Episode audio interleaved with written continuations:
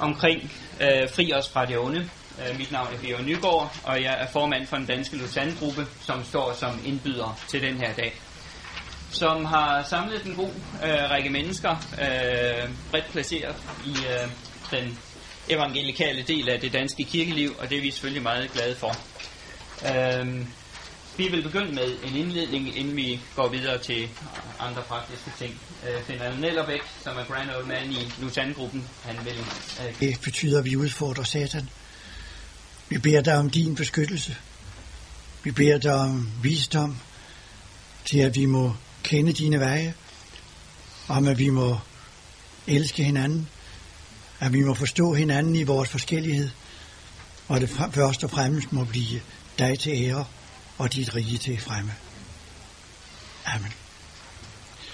Jeg er nervøs over det her. Uh, det er ikke mere end 14 dage siden, jeg fik uh, besked om, jeg kunne indlede her. Og uh, lige siden, så er der noget, der har kørt i hovedet på mig. Og uh, det er det, jeg synes, jeg skal dele med jer. Og uh, det vil forundre nogle af jer. Uh, måske vil der også blive nogle hævede øjenbryn, men i hvert fald det ligger øh, i linje med det, vi har, selvom synsvinkelen er en anden. En del af jer vil vide, at jeg har været 15 år i missionær i Østafrika, øh, helt derude, hvor der ikke var kommet ret mange europæere. Og øh, det vil i praksis sige, at øh, det var derude, hvor man levede med frygt for ånderne. I en sådan grad, at man øh, som regel ikke torde gå ud om natten. Øh, vi har kendt det, vi har også kendt det hos de kristne. Øh, vi har kendt kampen mod alt dette i den østafrikanske vækkelse, som vel nok var det mest kristocentriske og det dybeste fællesskab, jeg har været med i nogen sted på den jord. Altså, jeg kender det, og øh, jeg er glad for den rapport, der er skrevet, og så har jeg alligevel en anden synsvinkel. Og øh, Jesus sagde, vi skulle bede om, led os ikke i fristelse, men fri os fra det onde. Jeg synes, at en af de værste ting i den danske kirke og det danske folk, det er flugten fra lidelsen. Jesus sagde ikke fri os fra lidelsen. Vi kender alle den lidelse, han gik ind i. Og jeg er som ikke engang sikker på, at Golgata var hans største lidelse. For mig var selve dette, at han blev menneske. At han måtte ikke alene udholde os sådan, som vi er. Men han kendte os med alle vores skrøbeligheder. At prøve at give det videre. Vi har kun enkelte nødskrig fra ham i Bibelen, blandt andet, må en menneskesønnen vil finde troen på jorden, når han kommer igen. Lidelsen. Jeg er ikke sikker på andet, end at lidelsen er et redskab i Guds hånd. Og det kan godt være, at vi kommer en gang dybt nok til, at vi undersøger forholdet rent teologisk mellem lidelse og det onde. Og når jeg siger det, så er det ud fra en ren personlig baggrund. Nogen her vil vide, at jeg blev taget fra min mor, da jeg var to dage gammel. Det vil sige, at jeg har levet mine tre første år på et spædbørnshjem for bedre børns, bedre folks børn hed det vist nok. Eller sådan noget i den lignende. Men altså, jeg har egentlig alle mine dage, så langt jeg kan huske, og måske længere tilbage, måtte kæmpe for at være realistisk. Og ikke mindst det, var jo det, der kom til at præge mig øh, den gang, da jeg fik at vide af min kommissionspræst. Jeg har aldrig gået til, øh, til i kirke eller søndagsskole som barn. Jeg er vokset op i et ganske normalt, eller måske unormalt, øh, dansk folkekirkehjem. Men min præst, som havde svært ved at styre os, han sagde til os, hvis I vil vide, hvad det her virkelig drejer sig om, så læs jeres evangelier. Begynd forfra og læs dem igennem, eller begynd, det er måske bedst, at I begynder med Johannes. Og når I er færdige, så begynd forfra og læst dem igen og igen. Jeg tror aldrig, jeg har været så doven i mit liv, som de næste par måneder. Uh, jeg gik i fjerde mellem, men, men, uh, men uh, jeg brugte halvdelen af mine nætter til at læse mine evangelier igen og igen og igen. Og jeg fandt meget hurtigt ud af, at det her er verdens farligste løgnehistorie. Eller er, er, også er Jesus Kristus den, han giver sig ud for at være. Og min eneste chance. Men der gjorde, da at jeg også siden har set lidelsen i øjnene. Der er vel nok nogen her, der også er glade for Viktor Frankl. Øh, jeg har læst ham op, øh, noget af hans, blandt andet psykologi og eksistens for Gertrud Sommer. Jeg har læst om Mary Slesser.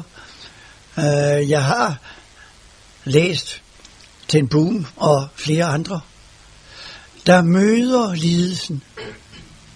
Og midt i den største lidelse har de en fred, der er større end den fred, vi andre kender. Dette at tage hver dag af Herrens hånd. Og ikke alene dette, men møde den med hellig nysgerrighed se, hvad er det Herren vil mig i dag? Og så prøve at leve den dag, som kan være en lykkelig dag, selvom vi står midt i lidelsen. Det jeg prøver at fortælle jer er, at jeg tror, at selve flugten fra lidelsen, flugten ind i succes, ind i grådighed, ind i længslen efter noget, der er bedre her på denne jord, end det jeg oplever i øjeblikket. Jeg er bange for det hedenskab. Jeg er bange for, det er en grundhedenskab, som er satans våben over for os her i Danmark. Noget vi meget tit snakkede om derude i vækkelsen, det var, hvordan virker Satan når vi ikke tror på ham. Jeg tror, han er farligere, når vi ikke tror på ham, end alt det, som vi har fået skrevet ned i den glimrende rapport. Jeg tror ikke, han er mindre farlig for den sekulariserede. Jeg tror, han er mere farlig. Jeg tror også, det er farligt, når jeg nu i dag udfordrer ham og siger, der er et hedensk lag i vores folk, som trænger dybt, dybt ind i vores folkekirke, og som også i frikirkerne, som måske hænger sammen med, at i gamle dage, der var der goden, eller hvad han nu hed, den hedenske offerpræst. Og han var garanti, garantien, hvis bare man gjorde de rigtige ofre, foretog det, som han skulle gøre, jamen så slap man jo for at være konfronteret med redselen for det hellige. Lå der i omvendelsen til katolicismen den samme redsel for den katolske præst, der endda havde skriftemålets bånd til hver eneste, som var hans kirkegænger, som var i hans sovn. Ligger der i det folkekirkelige Danmark, hvor man ikke kommer i kirke, undtagen i krisesituationer eller i, og i livets højdepunkter, ligger der i alt dette en direkte forlængelse af det hedenske danske, det hellige, det skal man undgå, for det er farligt. Men vi har da præsterne. Og det er jo egentlig ligegyldigt, om nogen som helst kommer i kirke normalt, hvis bare vi har de rigtige ritualer. Hvis bare hele systemet virker, jamen så behøver man ikke konfronteres med det hellige. Jeg tænker på de konfirmandforældre, som vi fik en bibelkreds med, og vi havde bare et fader hvor til sidst. Og så var der nogen, der holdt op, vi sagde, vi kan ikke klare det mere. Det er simpelthen for stærkt. Den sidste halve time, der sidder vi bare og, og skælver, fordi der skal vi have et fadervor. Det er for farligt. Er det redslen, som styrer vores folkekirke? Indimellem så er Gud givet vækkelse, og vi beder stadig om vækkelser, og det gør vi over hele jorden, og der er steder, hvor vækkelserne kommer. Men jeg tror, at alle vækkelser, de går sådan opad, og så går det nedad, og så må Gud have en ny vækkelse, indtil den sidste store vækkelse, hvor måske mange skal miste livet, og hvor Herren, han kommer for enden. Men er det de kræfter, vi er op imod? Er det det, Satan griner af, når vi ikke kan få folk til at forstå det, der er allermest helligt, allermest kærligt og allermest farligt for os? Det er vigtigt, det vi gør, og det vi skal være sammen om i dag. Og det er nødvendigt, at vi gør det. Men vi må også se dybere, se længere. Prøve at se Satan, hvor han er, hvor vi mindst venter ham. For det er der, han prøver at sætte hårdest ind på os. Og så må vi stå sammen. Stå sammen, sådan så vi er lykkelige for den brede vifte, vi er her. Og hvor hver gang mennesker, der er et i Jesus Kristus, kan være sammen. Sammen i bøn, sammen i arbejde, sammen også om nogle smertelige nejer. For når vi er ærlige hver for sig, så er vi jo forskellige. Gud skaber ikke dubletter. Men Gud hjælper os også i dag, også i kampen mod det onde, at være et i Kristus, når det virkelig gælder. For vi er jo på vej samme sted. Vi er på vej hjem. Men Herren skal bruge os her. Gud velsigne vores arbejdsdag og vores fællesskab. Amen.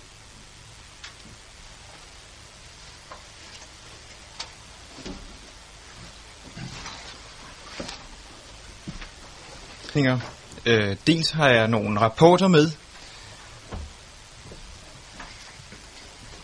Nogle af de her konsultationsrapporter, som er blevet oversat til dansk. Jeg ved ikke, om der er nogen, der mangler den, eller hvis der er nogen, der ikke har fået kigget i den nu, så kommer jeg rundt og deler den ud om et øjeblik. Der er også et andet papir, som, øh, som jeg skal dele ud i forbindelse med det første foredrag.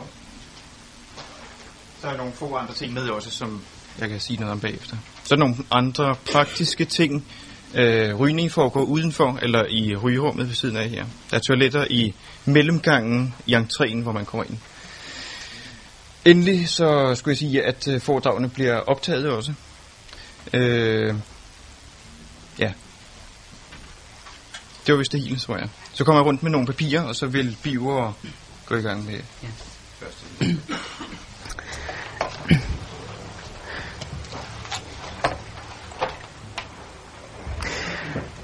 Ja, en dag om underånder og den slags. Fri os fra det onde. I Lausanne-gruppen var vi lidt i tvivl om, skulle vi have sådan en dag her, fordi det er jo ikke rigtig noget, øh, vi har i Danmark. Lausanne International havde en konsultation sidste år, som i høj grad var motiveret af en, en international missionsdiskussion, øh, meget øh, under indflydelse af, af forskellige tredjeverdens øh, spørgsmål omkring hele det her forhold øh, omkring øh, åndskamp øh, under under øh, det engelske ord spiritual warfare, som egentlig, hvis det her det havde været så mange andre steder, så ville vi have kaldt det spiritual warfare. Øh, som, som er en stor ting, som skiller kristne, øh, og som øh, giver problemer forskellige steder. Det er jo lidt anledningen til, at Lausanne tog det op. Øh, så var det noget, vi skulle beskæftige os med her i Danmark, da vi så for et lille års tid siden besluttede, at det ville være godt at have en lille seminardag, hvor vi arbejdede med, hvordan ser den her kamp ud i Danmark. Øh, så tænkte vi, lad os gøre det. Øh, der kommer nok et par stykker. Det, der så er sket siden jo, det er, at øh, øh, udsendelserne, åndernes magt og forskellige andre ting, jo på en eller anden måde gør det her nærværende på en måde, som vi ikke havde regnet med.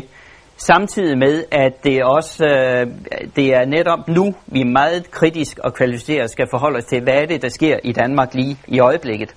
Det er den sidste uges aviser. I fredags læste det Dagblad på forsiden to hele sider med temabehandling omkring, hvad øh, de gode danskere de oplever på det område. Berlingeren søndags magasinet to hele sider her, som igen behandler om det faktiske øh, oplevelser, som folk har. Journalisten øh, her er om baggrunden for udsendelsesrækken Åndernes Magt. Man øh, beskæftiger sig med det, og der er lidt data omkring den serie, som siger, at serien blev første gang vist på TV2 Zulu i efteråret 2000, og her blev det en af Zulus største succeser med 174.000 seere til den mest set udsendelse. Den er blevet genudsendt to gange, først på Zulu og for nylig på TV2. I tre uger var Åndernes Magt det mest sete program på alle kanaler, hvis man ser bort fra nyhederne. En uge var det 900.000 danskere, som sad en time og så på Åndernes Magt. Uh, de havde sikkert ikke bedre ting at tage sig til uh, og, og et udtryk for almindelig dansk kedsomhed sådan en søndag aften her om sommeren. Men der er 900.000, som sidder og kigger på noget, og selvfølgelig er det underholdning, dokumentar underholdning, noget af det, men der sker også en påvirkning, og det som vi jo så ser som effekt, det er, at nogle ting kommer op til overfladen, som, øh, som danskerne ikke har gået og talt så meget omkring. Derfor har det jo en aktualitet, øh, det tema, som vi samles om. Øh, og derfor vil vi så også bruge meget af dagen til at være aktuelle og bruge tiden i interaktion med hinanden og i samtale. Så vi vil ikke fylde dagen op med øh, foredrag, men at der bliver nogle øh, introduktioner. Her først vil jeg så give et lidt længere indlæg omkring øh, selve konferencen i Nairobi. Øh, det som er indeholdt i summarisk form i den her konferencerapport som vi går lidt ud fra, at I har kigget noget i, læst mere eller mindre grundigt inden mødet her. Derefter så vil Johannes Hansen, som er leder af Apostolskirke i Danmark, han vil give en introduktion til, øh, hvad han ser som udfordringerne i hele åndskampspørgsmålet i vores danske sammenhæng. Altså øh, tage det hjem, øh, hvor er udfordringerne, som han ser det, og det kan lægge op til samtale. I eftermiddag øh, vil Niels Underbjerg, som er øh, for, øh, biskoppens hjælper i spørgsmålet omkring nyreligiøsitet i Københavns Stift, han vil give et øh, indlæg med hensyn til, hvad oplever han som stiftspræst på det her område, øh, udfordringerne, som han står overfor, og herunder også det behov, som vi har for som kirke i Danmark at blive mobiliseret ikke nødvendigvis med en her af eksorcister, men med en her af mennesker, som er villige til at møde mennesker, hvor de er i deres konkrete erfaringer og oplevelser, og være med til at forkynde evangeliet ind i den situation. Øhm, og vi vil gå lidt i grupper og prøve at der samtale lidt om, hvordan, øhm, hvordan kan vi respondere på det. Gerne med henblik på, at vi mod slutningen her konkluderer en lille smule, øhm, finde ud af, er der et lille netværk, så, som vi kan få op at stå, hvor vi kan hjælpe hinanden. Fordi sandheden for de fleste af os, det er jo, at vi er angst for det her område. Vi vil helst, vi vil helst have, at evangeliet bare stod i en bog, og at, øh, og at, øh, at det ikke løb nogen steder. Vi bringes ud i nogle religionsmøder, som vi helst ville være foruden, og hvor vi har en hel masse ting, vi skal have lært. Og der har vi brug for hinanden. Nu til seminaret i, øh, eller konferencen, som blev afholdt i Nairobi sidste år, arrangeret af den internationale øh, Lausanne-gruppes teologi- og strategigruppe. Det, der er væsentligt at forstå med hensyn til Lausanne, det er, at ho- hovedordet altid er mission. Det er ikke sådan, at Lausanne pludselig har skiftet sit fokus ud, og nu vil til at arbejde med eksorcisme og underånder. Men det er under overskriften missionen, at vi kigger øh, på perspektivet omkring åndskamp, øh, om det så er, vi taler om underånder, eller spiritual warfare, eller øh, strukturelle, øh, strukturelt ondskab. Det kan være forskelligt, men det er mission, og Der er nævnt noget omkring øh, åndskampen, åndelig konflikt, som vi oversætter det på dansk, i Lausanne-paktens artikel 12, hvor det begynder, vi tror, at vi er engageret i en konstant åndelig krig mod ondskabens åndemagter, som søger at ødelægge kirken og forpure dens opgave at evangelisere verden. Vi kender vores behov for at blive udstyret med Guds våben og at udkæmpe denne kamp med sandhedens og bøndens åndelige våben. For vi sporer vores fjendes aktivitet ikke blot i falske ideologier øh, uden for kirken, men også indenfor i form af falske evangelier, som fordrejer skriften og sætter mennesket i Guds sted. Vi behøver både overvågenhed og dømmekraft for at bevare det bibelske evangelium uforfalsket. Og så videre. Så der i 74, da man formulerede Lausanne-pakken, der var det her perspektiv, det var absolut med. Øhm, og går vi til den internationale missionsscene, så er det jo helt tydeligt, at man vil slet ikke tænke på missionen, hvis man ikke tænker på det som en, øh, en åndskamp, og det er noget særdeles virkeligt. Åndskamp og missionen, det hører sammen. Øhm, ikke at det er noget, som vi øh, skal prøve at trække ind i missionen. Den er der simpelthen af natur, fordi missionen er åndskamp. I missionen, der angribes vi af modstanderen, øh, som Finn Allen var inde på, at, at der hvor evangeliet lyder, jamen der vil der være en modstander, som absolut ikke vil have det evangelium til at lyde, fordi det er faktisk hans hovedopgave, at mennesker ikke hører. Så åndskampen bliver ofte tydelig, øh, og det er jo noget af det, vi hører om fra Afrika, Asien og andre steder, at de meget konkrete møder, det engelske ord power encounter, som er udtryk for, at der hvor evangeliet forkyndes i kraft, der vil det ofte være et opgør også med onde ånder på forskellige vis, onde kræfter, som manifesterer sig.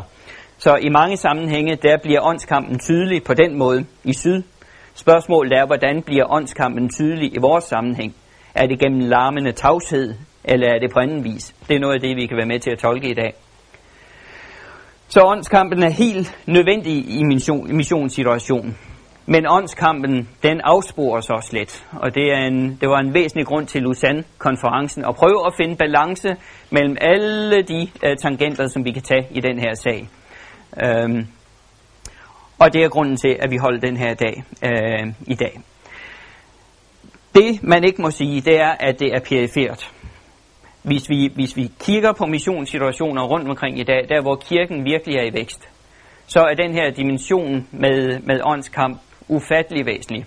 Øh, Kinas kirke, som jeg til daglig beskæftiger mig øh, mest med, der er det helt, helt afgørende med, altså 70, 80, 90 procent af dem, der bliver kristne, de vil sige, det var på grund af, at jeg oplevede en helbredelse, eller jeg op, øh, oplevede en udfrielse, øh, blev fri for spøgelser, noget af det, som vi altså hører om nu, at der bliver det til konkret omvendelse til Kristus, til konkret kirkevækst.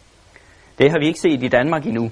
Øh, der er potentiale, øh, men altså vidnesbyrden fra missionsmarken er, er i, i syd er helt klar på det her område.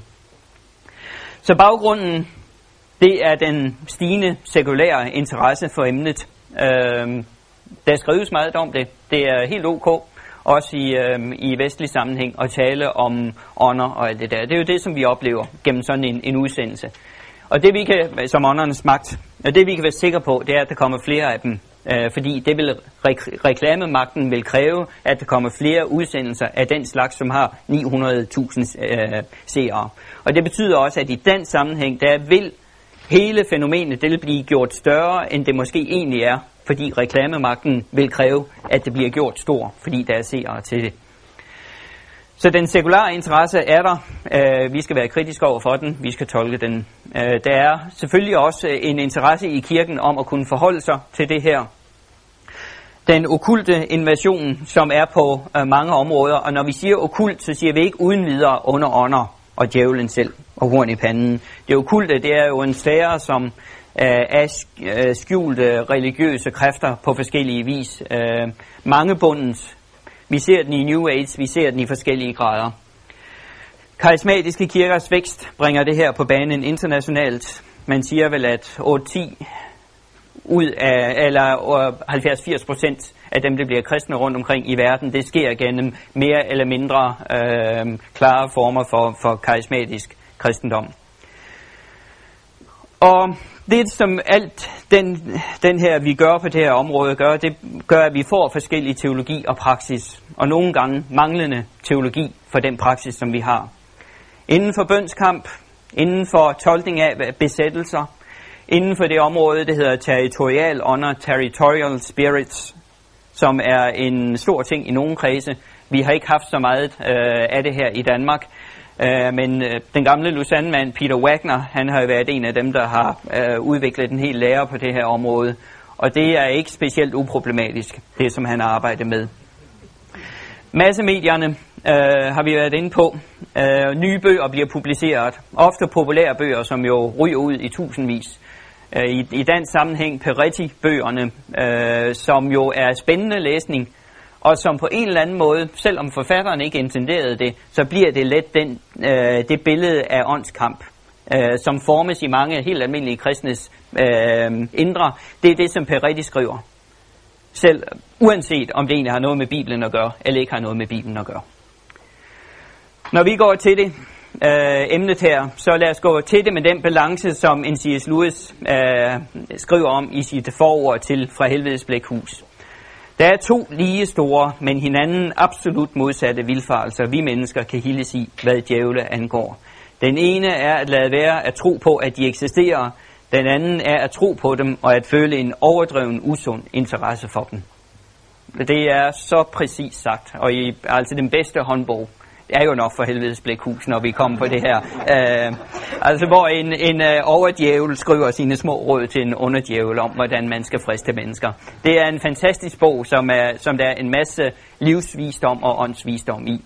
Øh, og den, den bevarer den balance ved at latterliggøre djævlen lidt, så holder vi ham på det plan, hvor han, han, han vidderligt skal holdes, fordi han er en besejret taber, som desværre har alt for meget magt men vi skal ikke øh, udvise oven, øh, overdreven interesse øh, for, for hans magt. Balancen er svær at finde. Der er forskellige, øh, det er lidt forskelligt alt efter, om vi er i syd eller i nord. Ofte så kan vi sådan øh, ud øh, som missionsfolk i den her sammenhæng, der kan vi sige, at i, i syd der er det jo helt normalt, og der har de styr på hele øh, den her dimension. Men det, der gælder i syd, det er jo, at der er meget af, af den praktik, der er omkring, både praktik og teologi omkring øh, åndskamp, som, som kommer ud af en traditionel afrikansk sammenhæng, hvordan man tolker ånderne, ikke er specielt kristeligt teologisk funderet. Øh, og øh, synkretisme øh, på forskellige vis, hvor det kan være meget svært at afgøre, hvor de har det derfra øh, og hvor de skal gå nogle lange omveje, inden at de finder ind til Bibelen for at forklare, hvorfor de gør, som de gør. De har en erfaring med åndsverdenen øh, og konkrete manifestationer, som vi ikke har. Men det er ikke, det er ikke sådan, at det, øh, vi skal sådan lige tro, at alt, de har styr på alting. Derfor så er der manglende utilstrækkelig teologi, som man i syd absolut har brug for at få gjort noget ved. Ofte har man en manglende evne til at se naturlige forklaringer. Det er jo noget, som vi gerne vil komme og hjælpe dem lidt med, når det er sådan, at, øh, at de ser øh, de underånder. Og derfor er den øh, dialogen fra syd til nord og nord til syd er øh, vældig gavnlig på det her område. Og i Vesten, der ved vi jo, at vores største problem, det er vel, at øh, vi i udgangspunktet med vores moderne vestlige worldview, så fornægter vi øh, virkeligheden. Og hvis vi går ind i mange folkekirkelige sammenhænge, så, så vil djævlen være en sådan metaforisk beskrivelse af et eller andet negativt. Men ikke så noget, som man på den måde kan gå og snakke om i de her termer.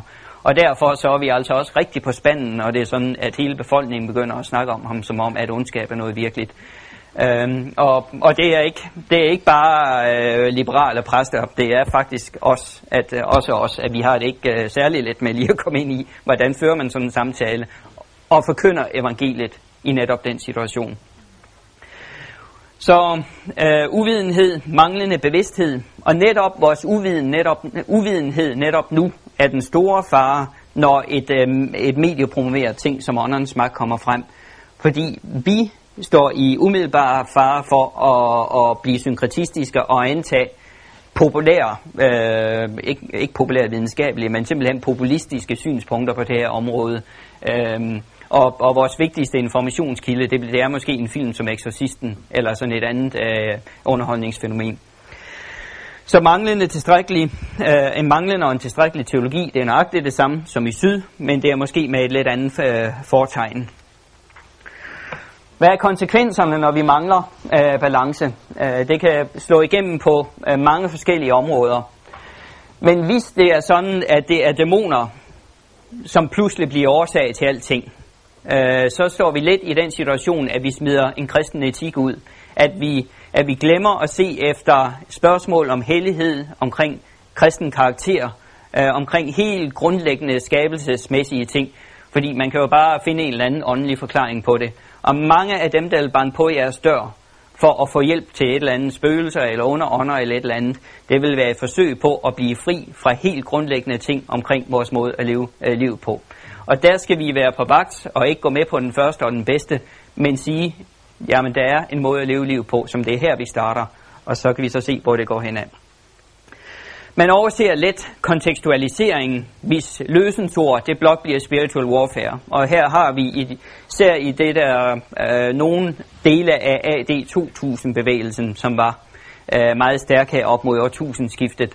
Der var den ved at krænge lidt over, hvor at øh, hvis vi skulle nå at fuldføre missionsbefalingen inden år 2000, jamen så skulle vi have nogle ekstraordinære hjælpemidler i brug. Og her fandt man så, at spiritual warfare, det måtte være løsende, løsensordet til at, at, at på en eller anden måde få Gud til at virke på en måde, som han ikke har virket før. Øhm, og det betyder så også, at vi, når vi går ind i Indien, så behøver vi ikke sådan specielt at tænke kontekstuelt, hvilket vi jo ellers missionsteologisk har udviklet en hel masse den sidste generation. Fordi hvis løsende er spiritual warfare, så er det i den åndelige verden, at det eller andet skal sættes fri, og så er det sådan set i, i øvrigt ligegyldigt, hvad folk de hører, når vi siger noget. Og det kan vi jo godt høre, at den går ikke helt. At, at det, er, det er ikke godt nok. At vi vil gerne have evangeliet forkyndt på vores eget sprog. Øhm, og at der er en... Og selvom der er det her stærke element af åndskamp i missionen, så er der det hjemmearbejde, der er i at finde og oversætte evangeliet til vores hjertesprog. Det, må, det kan vi ikke komme fri af. Ud når vi arbejder i åndskamp, har erfaringer på vidt forskellige vis, og når vi begynder at dele erfaringer her i eftermiddag, jamen så, vil, så, er, så er der nogle billeder, som har dannet sig i hver enkelt af os ud fra de faktiske erfaringer, vi har gjort. Og de billeder, de møder med ondskaben og mennesker, der er plaget af det onde på forskellige vis, det danner jo nogle gange nogle billeder i os øh, på en måde, så, så det uden videre bliver virkeligheden. Også selvom det ikke har nogen fundering i Bibelen overhovedet. Altså det er, det er ikke nødvendigvis ubibelsk, men det er ekstra bibelsk. Det er noget som, øh, ja, en form for åndsvidenskab, som man sådan selv har udviklet sig ud af erfaringerne. Og det vil være svært at bare sige, jamen det, sådan, sådan, det, det skal du bare glemme alt om, fordi erfaringer, man gør sig, er svære at glemme. Men øh, det må hele tiden øh, tolkes, og man må hele tiden holde sig til nogle basale bibelske ting, som er åbenbart ud for Bibelen. Og det, der så er ekstra bibelsk, altså ikke nødvendigvis ubibelsk, men noget af det, som Bibelen ikke kaster lys om øh, på, det må vi så holde i en anden kategori af betydeligt lavere rang. Øh, og det er ikke sikkert, at vi egentlig skal udvikle nogle lærer omkring det. Det er det, vi fristes til at lave den her åndsvidenskab. Men øh, der er nogle ting, vi kan sige, aha, vi gjorde os nogle erfaringer, men vi skal nok prøve på at lade være med at lave teologi på det. For vi kommer lidt ind i altså hele spørgsmålet om, hvordan skal vi tolke øh, åndsmagter. Der er 117 tolkninger af øh, det bibelske vidnesbyrd indtil nu. Det er jo desværre sådan, at der er en, på mange områder en tvetydighed, som giver plads for øh, en række forskellige tolkninger, øh, så det er ikke uden videre let. Det, som det har betydet på en international missionsscene, det er, at kristen enhed ofte undermineres af øh, forskellige øh, teologi og praksis på det her område. Jeg mener, vi er blevet, skal vi sige, lykkeligt beskyttet i dansk sammenhæng. Det er ikke sådan, at der kører de store konflikter øh, mellem kristne, som er begrundet i det her. Og det tror jeg, vi skal være glade for. Men internationalt, der vil man, øh, der vil man ofte se problemer. Og problemer skyldes ikke mindst uerfarne vestelændinge, som pludselig får øjnene op for, at der er noget, der hedder en konkret åndskamp og spiritual warfare. Og så rejser de til Indien og til Bhutan, til muslimske lande, forskellige steder, og så skal de lige øh, bruge deres løsen til at, at, at vinde det folk, så kom man ind i en eksisterende kirke, hvor man har kendt til den her åndskamp lige siden man blev kristen, og før man blev kristen. Og, og, og det er på den måde ikke noget nyt for dem, men man får dumpet en eller anden forsimplet vestlig tolkning af det her ned over en kontekstuel sammenhæng. Og det er faktisk meget negativt. Og på konferencen i Nairobi var der en indisk kvinde, som i meget, meget stærke vendinger sagde missionary go home med hensyn til sådan noget her. Øh, fordi det øh, mange steder i konfliktfyldte områder, der er det, det er meget pro- problematisk, når man kommer med korstogs sprogbrug, mentalitet, og når man kommer med spiritual warfare. Altså indiske, øh, øh, hinduistiske fundamentalister og, og muslimske fundamentalister. Hvordan kan de høre det andet, end her er der en eller anden øh, værslig magt, der er i gang med et eller andet. Øh, og det er klart, det skaber unødvendige spændinger øh, for lokale kristne mange steder. Så formålet med konsultationen, som vi definerede den på forhånd, det var, hvem er fjenden? Rimelig fundamentalt spørgsmål. Hvordan virker han?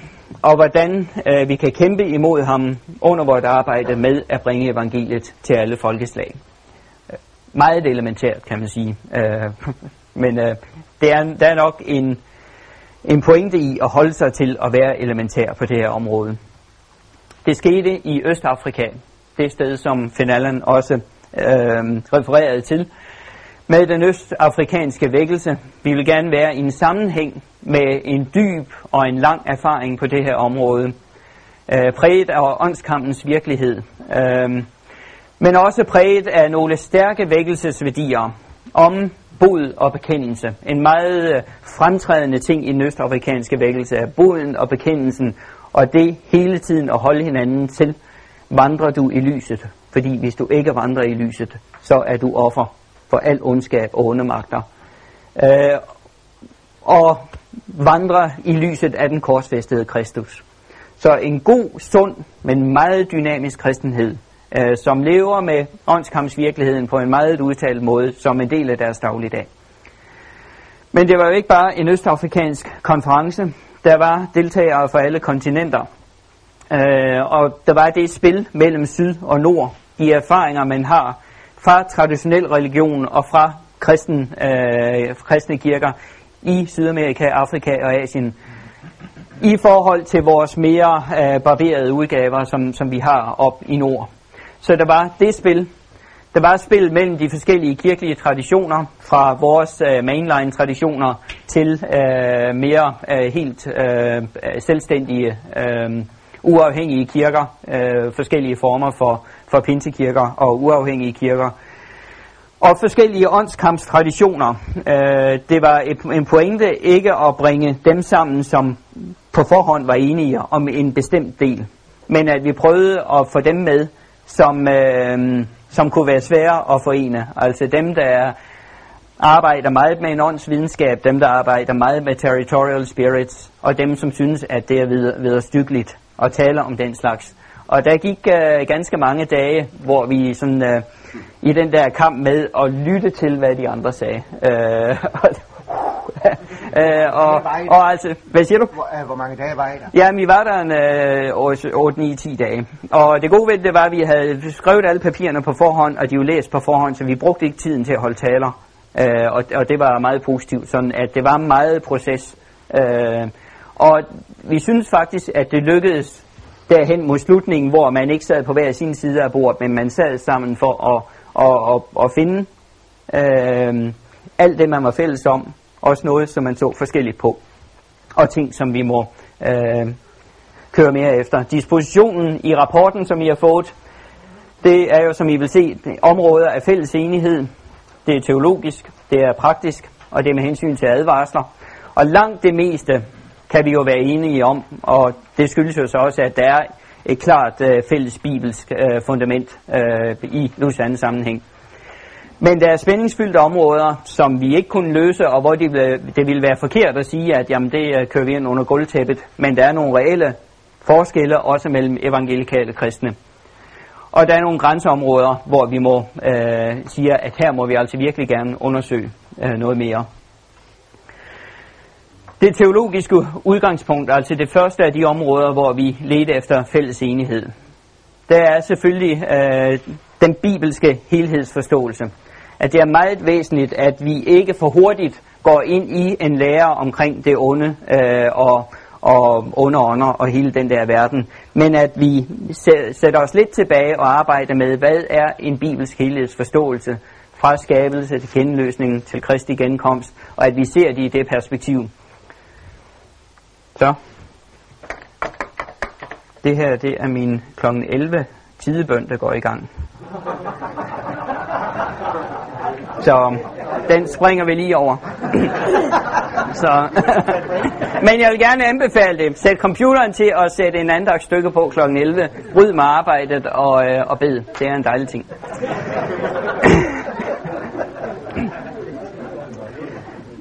øhm, bibelsk helhedsforståelse, og en del af en bibelsk helhedsforståelse, det er jo en bibelsk antropologi. Hvad er menneske for noget? Forståelse af synd, øh, menneskets øh, sammensathed som synder og som retfærdig, alt det.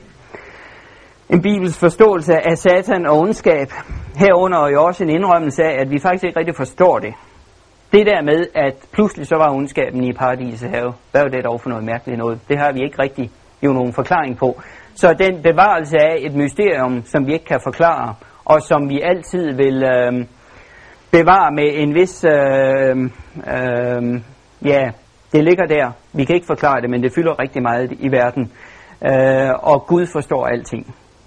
Øh, det er væsentligt at fastholde noget af det.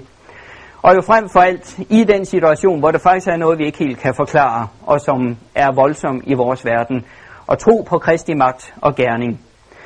Mange, øh, nogle traditioner kommer til at tale om spiritual warfare og det her som, som om det er en virkelig krig, der kører på, hvor vi ikke lige helt ved, om vi er i færd med at tabe, eller vi er i færd med at vinde, øh, og hvor frygten den får jo plads i vores hjerter.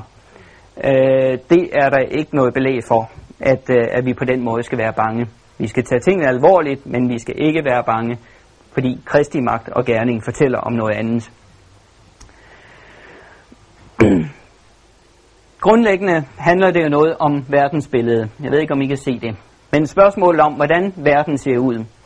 Og jamen, det er jo så enkelt. Vi ved, at, øh, at der er noget guddommeligt, og så er det vores almindelige liv. Det er det, som vi er blevet flasket op med her i Vesten.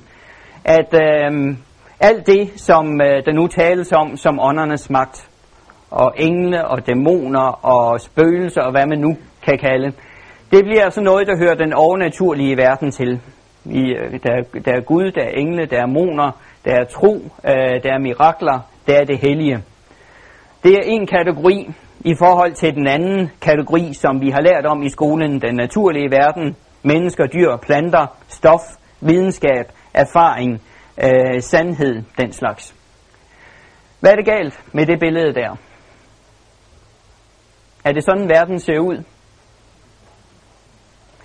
Mange, mange, mange gange, så opfører vi os som om, at det, det er sådan, verden ser ud. Og det ligger næsten i os som kristne, fordi vi er flasket op på et vestligt, moderne verdensbillede.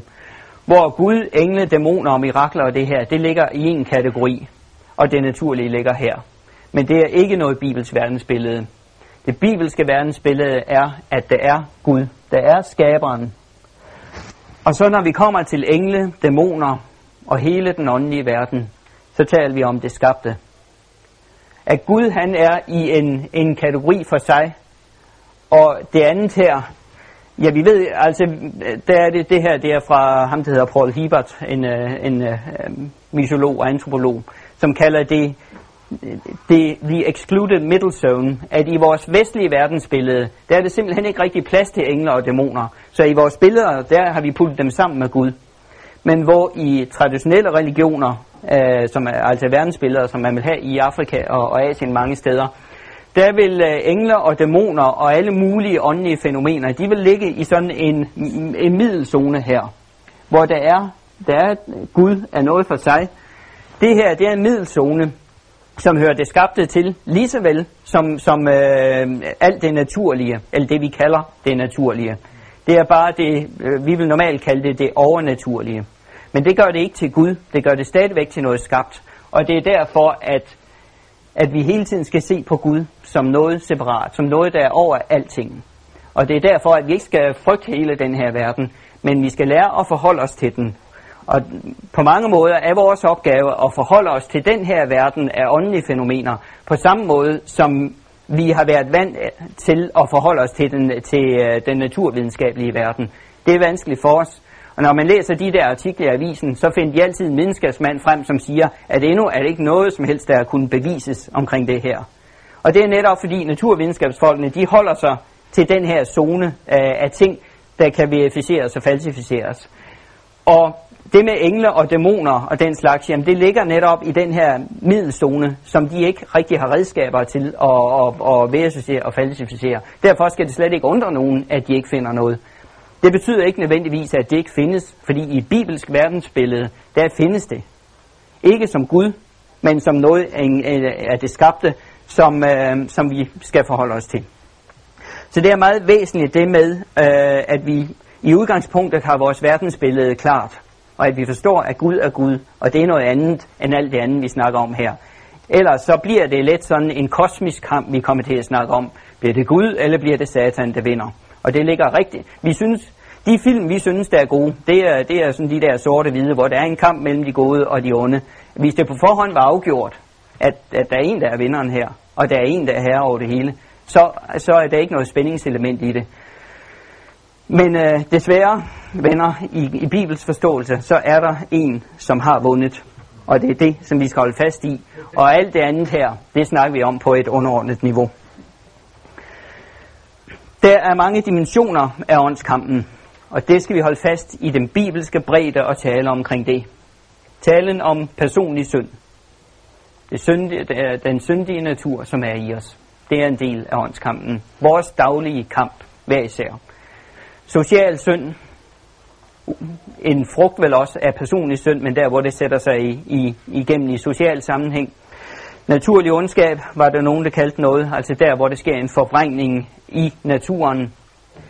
Og så er der den dimension, som vi måske er sammen om i dag, og som vi ofte tænker øh, på, altså underånder, kræfter af det okulte, øh, som sådan en, en separat disciplin.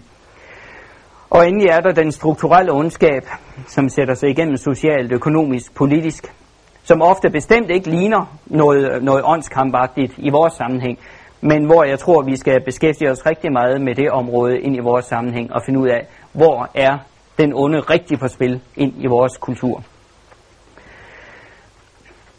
Med hensyn til praksis,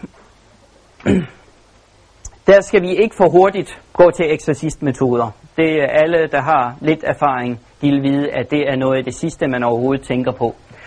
Men at der er øh, gode øh, vejledninger, bibelske vejledninger om at overvinde det onde med det gode. Øh, overhovedet ikke noget spooky, men noget spørgsmål om at vandre ret, vandre i retfærd. Det at tilbede Gud, og tage dem, der mener, de har problemer med ind i tilbedelse af den levende Gud. Det er måske bedre medicin end, øh, end øh, andre metoder. Øh, tilbedelse er væsentlig. Menighedens liv og tro er væsentlig i åndskampen. Dem, der har været i praksis, de ved, der er omkostninger der, hvor man står den onde imod. Øh, store omkostninger. Og der er ikke, der er ikke den der øh, øh, Rambo-agtige eksorcist, som klarer alting. Der er nærmere den, øh, den, der kæmper mod det onde, som lever med sygdom, med store omkostninger øh, for familie på forskellige vis, modangreb, der sætter ind på de mest mærkelige måder. Også øh, hele tiden, at man oplever, at der er faktisk noget, som man ikke rigtig kan øh, få bukt med.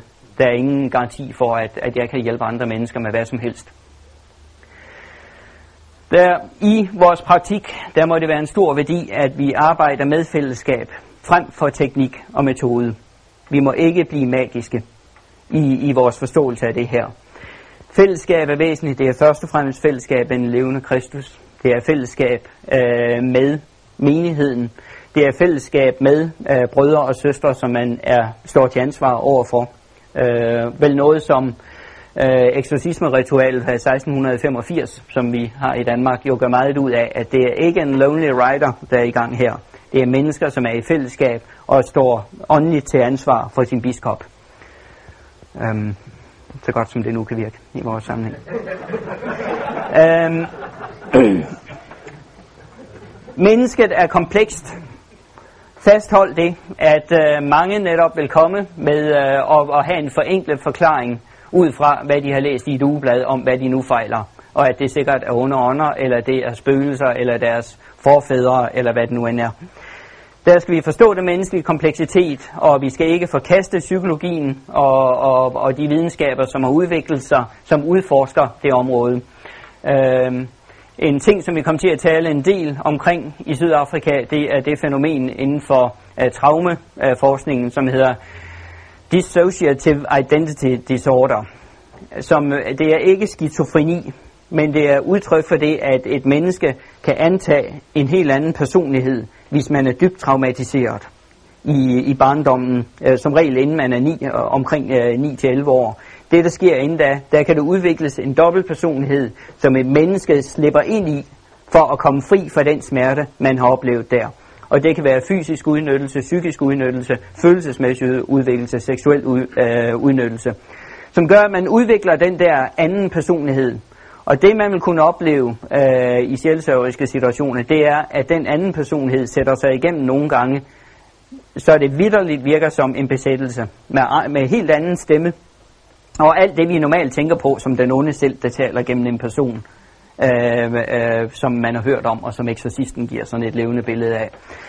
Øh, hvis man begynder at uddrive underånder af sådan en person, så får den person endnu flere problemer oven i de problemer, som har martret vedkommende hele øh, sit liv. Øh, og det er en ting, som især er stor i øh, Afrika. Prøv at tænke jer, når vi skal til at tænke traumer. Hvad gør det i Burundi og Rwanda? Alle de børn, der har været i gang med at myrde deres onkler og tanter med manchetter. Hvor skal de putte det der hen, som de har været involveret i? alle de børn, der har været udsat for, for flygtningesituationer, hungersnød og, og blev væk fra forældre og hele AIDS-epidemien og det der. Hvor skal, børn, hvor skal børn psykisk få plads til alt det der? Derfor er det helt naturligt, at der er nogle kæmpe traumer, øh, som, som sætter sig på forskellige vis. Og som kirken i Afrika nogle gange jo nok tager simpelthen alt for let på. Det, det, ham, der holdt det øh, indlæg her, han var faktisk fra Zimbabwe. Han var trænet i USA som psykolog, øh, psykiater, og virkede i, øh, i USA som, som psykiater, øh, men havde tæt, tæt føling med sin situation i, i Afrika. Øh, og han advarede ganske voldsomt øh, på det her område, at vi skal være forsigtige øh, og, og tage os tid til at, at tale med sådan nogle mennesker, og arbejde med de psykologiske metoder, som også er udviklet til at hjælpe med den slags problemer. Åndelig konflikt i praksis, det er en fælles tjeneste for en gruppe af kristne. Øhm, Prøv, hvis I ønsker at være involveret i konkret øh, arbejde med det her, og være en gruppe. Derfor så er det rigtig godt, at så mange er kommet her i dag, og at vi måske også spejder lidt efter, hvordan kan vi indbyrdes fungere som en gruppe på et overordnet plan, hvor vi kan øh, være i dialog med hinanden omkring ting og erfaringer, vi gør os, bede for hinanden, beskytte hinanden på den måde, men altså også lokalt øh, find en gruppe af forbedere øh, mennesker, som støtter op omkring den tjeneste. Selvfølgelig må det ske opfølgning af udfrielse. Altså øh, Nytestamentets tale om, at når en ånd er rykket ud, jamen, så er der plads til, til syv værre, der kommer ind. Og derfor så må det selvfølgelig være en, en klar sammenhæng. Øh, det er faktisk lidt vanskeligt, fordi sjælesorg det ofte bliver en ufattelig øh, individualistisk ting i vores sammenhæng. Derfor er det virkelig en øh, misiologisk, eklesiologisk udfordring at få det her til at hænge sammen. Øh, fordi ellers så har I sikkert patienten igen om et stykke tid, hvis det bare ender med, at man turer videre i den individualisme, som er vores religion. Opfølgning. Der er selvfølgelig en ydmyghed, som må bære hele tjenesten. Det gælder for almen kristen tjeneste, det gælder især her. Og det har med en konfrontation at gøre af kødet, af djævlen og af verden. Det, alt det her det er så grundlæggende bibelsk.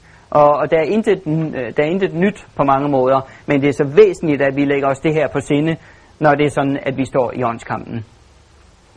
Advarslerne har jeg været noget inde på. Det der spørgsmål om sprogbrug.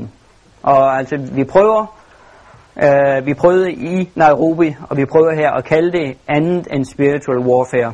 Spiritual warfare er et bibelsk begreb. Efeserne 6, man kan ikke sige, at det er ikke, det er ikke et billede, Bibelen bruger. Efeserne 6 er i høj grad et billede af en åndelig krig, der føres. Men, øh, men kontekstuelt i den verden, vi lever, der er det altså meget vanskeligt at bruge den form for krigsterminologi.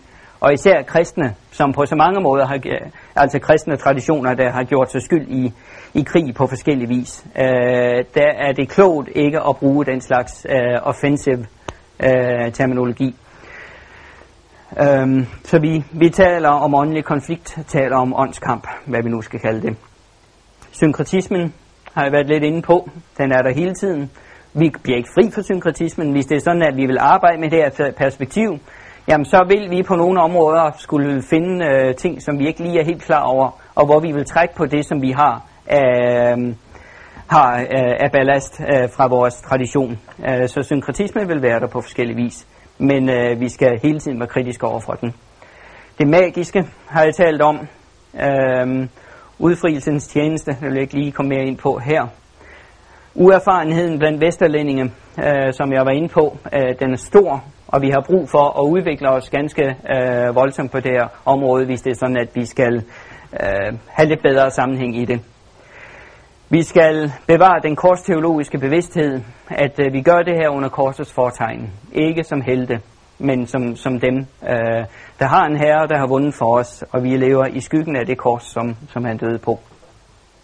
Frygten, som vi ikke skal lade os spænde af.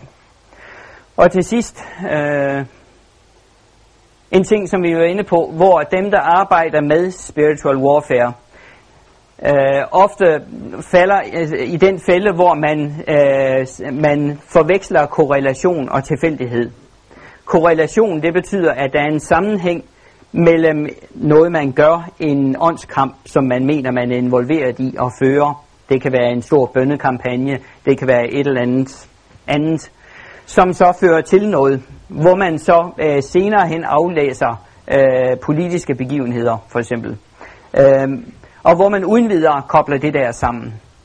Det er muligt, at de der politiske begivenheder ikke har noget som helst at gøre med den åndskamp, som man var involveret i. Og det er muligt, det har noget med hinanden at gøre. Men det er noget, som er, er vældig skjult for os. Og derfor, hvis vi alt for hurtigt siger, jamen det der, det skete i den politiske verden, fordi vi gjorde sådan og sådan i åndskamp, så har man pludselig en åndsvidenskab, hvor man lige har styr på det hele. Og det er altså slet ikke sikkert, at der er den sammenhæng. Og desværre så øh, blev der også øh, med, altså på konsultationen fremlagt mange eksempler på den slags påståede sammenhænge, som hvis man gik sagerne grundigere efter, så viste det sig, at der er altså ikke nogen sammenhæng. Det, men det er, man ønsker sådan, at det man gør i åndskampen, det er også bevirker det, man nu intenderer. Øh, og det, vi beskæftiger os helt konkret med et, øh, et, øh, en sag fra øh, var det Costa Rica med, med hele opløsning af hele Cali-kartellet, narkokartellet, hvor der var kristne, der gik sammen og bad, og så et stykke tid efter, så skete der en masse arrestationer af det, af det kartel. Og vi skal, ikke, vi skal ikke i vores sekulariseringsgiver sige, at der ikke sker noget i den åndelige verden. Men vi må bare i al ydmyghed sige, at øh, vi ved ikke, hvordan sammenhængen er. Og vi skal passe på ikke for hurtigt at, at postulere noget, fordi det mange steder skaber det et, et voldsomt dårligt vidnesbyrd, hvis vi postulerer et eller andet, som så, øh, det kan være, der senere hen kommer oplysninger frem, som, som siger noget helt andet. Der var de spændingsfyldte områder. Øh, det fylder ikke så meget på skærmen her. Øh, det fyldte en del øh, på konferencen, øh, men der er, der er nogle store ting, som øh, har været i lang tid. Spørgsmålet om, kan kristne være besatte? Det er der skrevet tykke bøger om, og det, øh, der er forskellige øh, niveauer, man kan, man kan gå til det spørgsmål på. Det er der ikke umiddelbart en enighed om. Spørgsmålet omkring territorial ånder er det i det hele taget et begreb, som vi skal arbejde med som kristne. Der er antydninger i Daniels bog, som, kunne, som kan tale, tyde på, at der er noget, som siger, at der er ånder, der i et særligt område øh, hersker og regerer. Men det er igen noget, som vi ved meget lidt om, og nogen vil derfor sige, at det vil vi helst ikke gå ind i. Andre vil sige, at vi vil gerne arbejde videre med det. Det gode ved den ånd, konsultationen forløb i, det var, at dem, som var ret sikre på, at der er noget, der hedder territorial ånder, de alligevel jo også har en stor ydmyghed til at arbejde videre og blive korrigeret, både af bibelske vidensbyrd og, og, og af andre data, som, øh, øh, som kan hjælpe dem videre i deres forståelse, fordi jo bevidste om, at det er noget, det er nyt og til dels farligt område, som, som man øh, arbejder på. Noget, som jeg har været inde på flere gange, brugen af empiriske erfaringer til udvikling af en åndsvidenskab. Skal vi nå frem til en åndsvidenskab? Skal vi nå frem til øh, Handbuch der Exorcismus? Eller øh, skal vi, er, det, er det faktisk det, som Guds modstander gerne vil have os til at inde i sådan en håndbog? Øh, sådan at vi kører efter den, og så er han hele tiden den, der laver mutationer og alligevel fungerer på en anden måde. Jeg tror, at når vi har den komplette håndbog, så vil vi opdage, at vi ikke kan bruge den, og at, at han også virker på andre måder.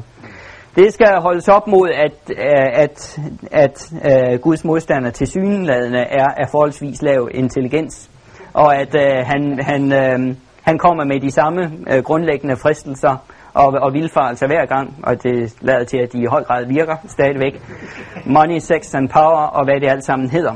Øhm, så der, der er en balance her, øh, hvor vi også skal lytte til hinanden, og hvor der er spændinger. Grænseområder, vi må efterprøve det her i teologi og praksis. Der er et spørgsmål, altså det er områder, hvor vi gerne vi skal arbejde videre, og hvor begge, alle på konsultationen var klar over, at jamen, der er absolut brug for, at vi arbejder videre teologisk og praktisk.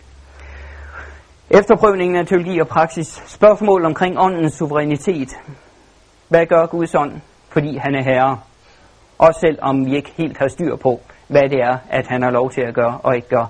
Det er, det er et spørgsmål, og mange af de erfaringer, der gøres øh, i kristendommen, der vil man sige, at det skete i Jesu navn ved Helligånden. Øh, men det skal hele tiden kritisk tolkes øh, for at, at forstå mere om, hvordan Gud virker. Der er behov for, at det her inkorporeres i teologisk uddannelse. Det blev jeg nødt til lige at tage med her, når vi nu var på det her sted. Øh, at, at det går bare ikke rigtigt, at der lukkes præster ud, for hvem det her det er et, et helt blankt område. Øh, fordi det, der jo så viser sig nu, det er, at folkeligheden rent faktisk beskæftiger sig med det. Så må teologi selvfølgelig også beskæftige sig med det. Og teologisk uddannelse. Spørgsmål om kriterier for verificering, det var det spørgsmål om korrelation og tilfældighed, at vi må gerne være kritisk på det her område og bruge vores gode vestlige kritiske sans. Øh, det skader ikke. Øh, Guds sandhed står fast, øh, så vi skal ikke være bange for det. Hele spørgsmålet om det psykiske og åndelige grænseland, øh, meget er afdækket af fagfolkene inden for psykologien, men inden for teologiske kredse og misologiske kredse, der har vi brug for at lære øh, relevante elementer, for at vi i vores praksis og sjælsorg øh, kan blive beriget af det. Spørgsmålet om sakramenternes rolle, hvad er den? Mange beklagede, at eksorcisme-ritualet er taget ud, er delen er taget ud af vores øh, dåbsritual i den lutherske kirke, som vi tidligere havde den. Øh, der er faktisk nogen, der mener, at det er særdeles vigtigt, og at det er en beskyttelse af os som folk. Øh, altså dåben i, i sig selv har en, en effekt. Men nu, nu ja, smører jeg folkekirkefolkene lidt, og I der frikirkefolk, I må sådan øh, lige sidde og tage dem over. Men at, at dåben i sig selv, øh, der er en beskyttelse og en effekt over vores folk, selv i al deres ugudelighed og sekularisering, så er det en beskyttelse over vores folk på grund af barndommen. Det var faktisk en, en kinesisk professor, som, øh, som siger, at i Kina der, der er en masse ting, som de må ud af folk, øh, når de bliver kristne jo. Men hvor han, han siger, bevar den beskyttelse. Øhm, og der vil selvfølgelig være nogen, der siger, at det der, det er noget plader, og på den måde, så gør man jo sakramenterne til noget magisk. Øhm, så der, der er igen spørgsmål om at, at ud, udvide det område. Det sidste, øh, som er kort at nævne, det er hele spørgsmålet om øh, marmonismens dæmon, dæmonologi. Øh, hvordan virker mammon med underånder? Øh, hvad er mammon i den her sammenhæng? Hele øh, reklamemagten, øh, som vi har den i Vesten. Jeg er lige gået i gang med en bog, der hedder Lead Us Into Temptation, som jo handler om, om vestlig, øh, det er essensen i, i, øh, i reklamens magt det er, at mennesker skal ledes i fristelse. I sig selv så vil jeg sige, at at være reklamemand, det er jo ikke specielt dæmonisk, eller altså, det er jo da et ærligt job, og sådan, øh, de gør sikkert noget godt. Men der er på mange fronter, der er der jo en, øh, en, en sammenhæng med noget, som i sig selv kan være ok, men når man øh, begynder at se de strukturer, som, som de der ting skaber, så er det noget inderligt dæmonisk i det. Altså i en verden, hvor så mange mennesker lider, at så er vi i gang med at forpeste vores eget liv med flere materielle ting.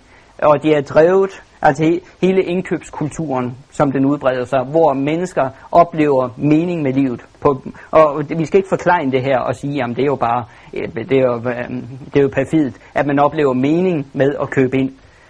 Men på en eller anden måde, så har vores vestlige marmonisme og reklamens magt på mange måder skabt et nyt meningssystem, som vi må sige, jo altså, vi øh, erfarer jo konsekvenserne i vores kirkelige sammenhæng. Er der noget, der holder mennesker væk fra Kristus, som det, som marmonismen? Er det her, vi har en egentlig udfordring? Mere vil jeg ikke komme ind på her. Øh, beklager, at det, det, er let, øh, øh, det blev lige lidt langt, men det var sådan set en uges summarium, som så resulterede i den her som sådan en statement som resulterer i en, øh, det, der hedder en Lausanne Occasional Paper på omkring 100 sider, som, øh, som øh, giver den her øh, et lidt bredere indhold og begrunder lidt mere, hvad det var, der skete på, på konsultationen. Som desværre ikke er færdigtrykt endnu, den er i pressen lige her omkring, øh, og jeg har den i manuskriptform. Så jeg føler mig jo fristet til at sende den til de af jer, der er interesseret på e-mail, så I kunne arbejde med den, mens I er lidt i proces her. Men ellers så kommer den snart øh, i trykform. Og som også ender i en øh, bog udgivet af Mark Publications, som indeholder en, en række af de papers, som blev givet, øh, og som er, er grundlag for den refleksion, som skete. Uh, Deliver Us From Evil vil den komme til at hedde. Um, og vi vil nok lige sende en liste rundt, hvor I kunne skrive jeres navne og e-mailadresser, hvis I har sådan nogle adresser, med henblik på, at vi kan sende øh, information om, når bogen kommer, øh, eller de forskellige bøger, og, og give den der orientering. Og også hvis vi får brug for at netværke i øvrigt.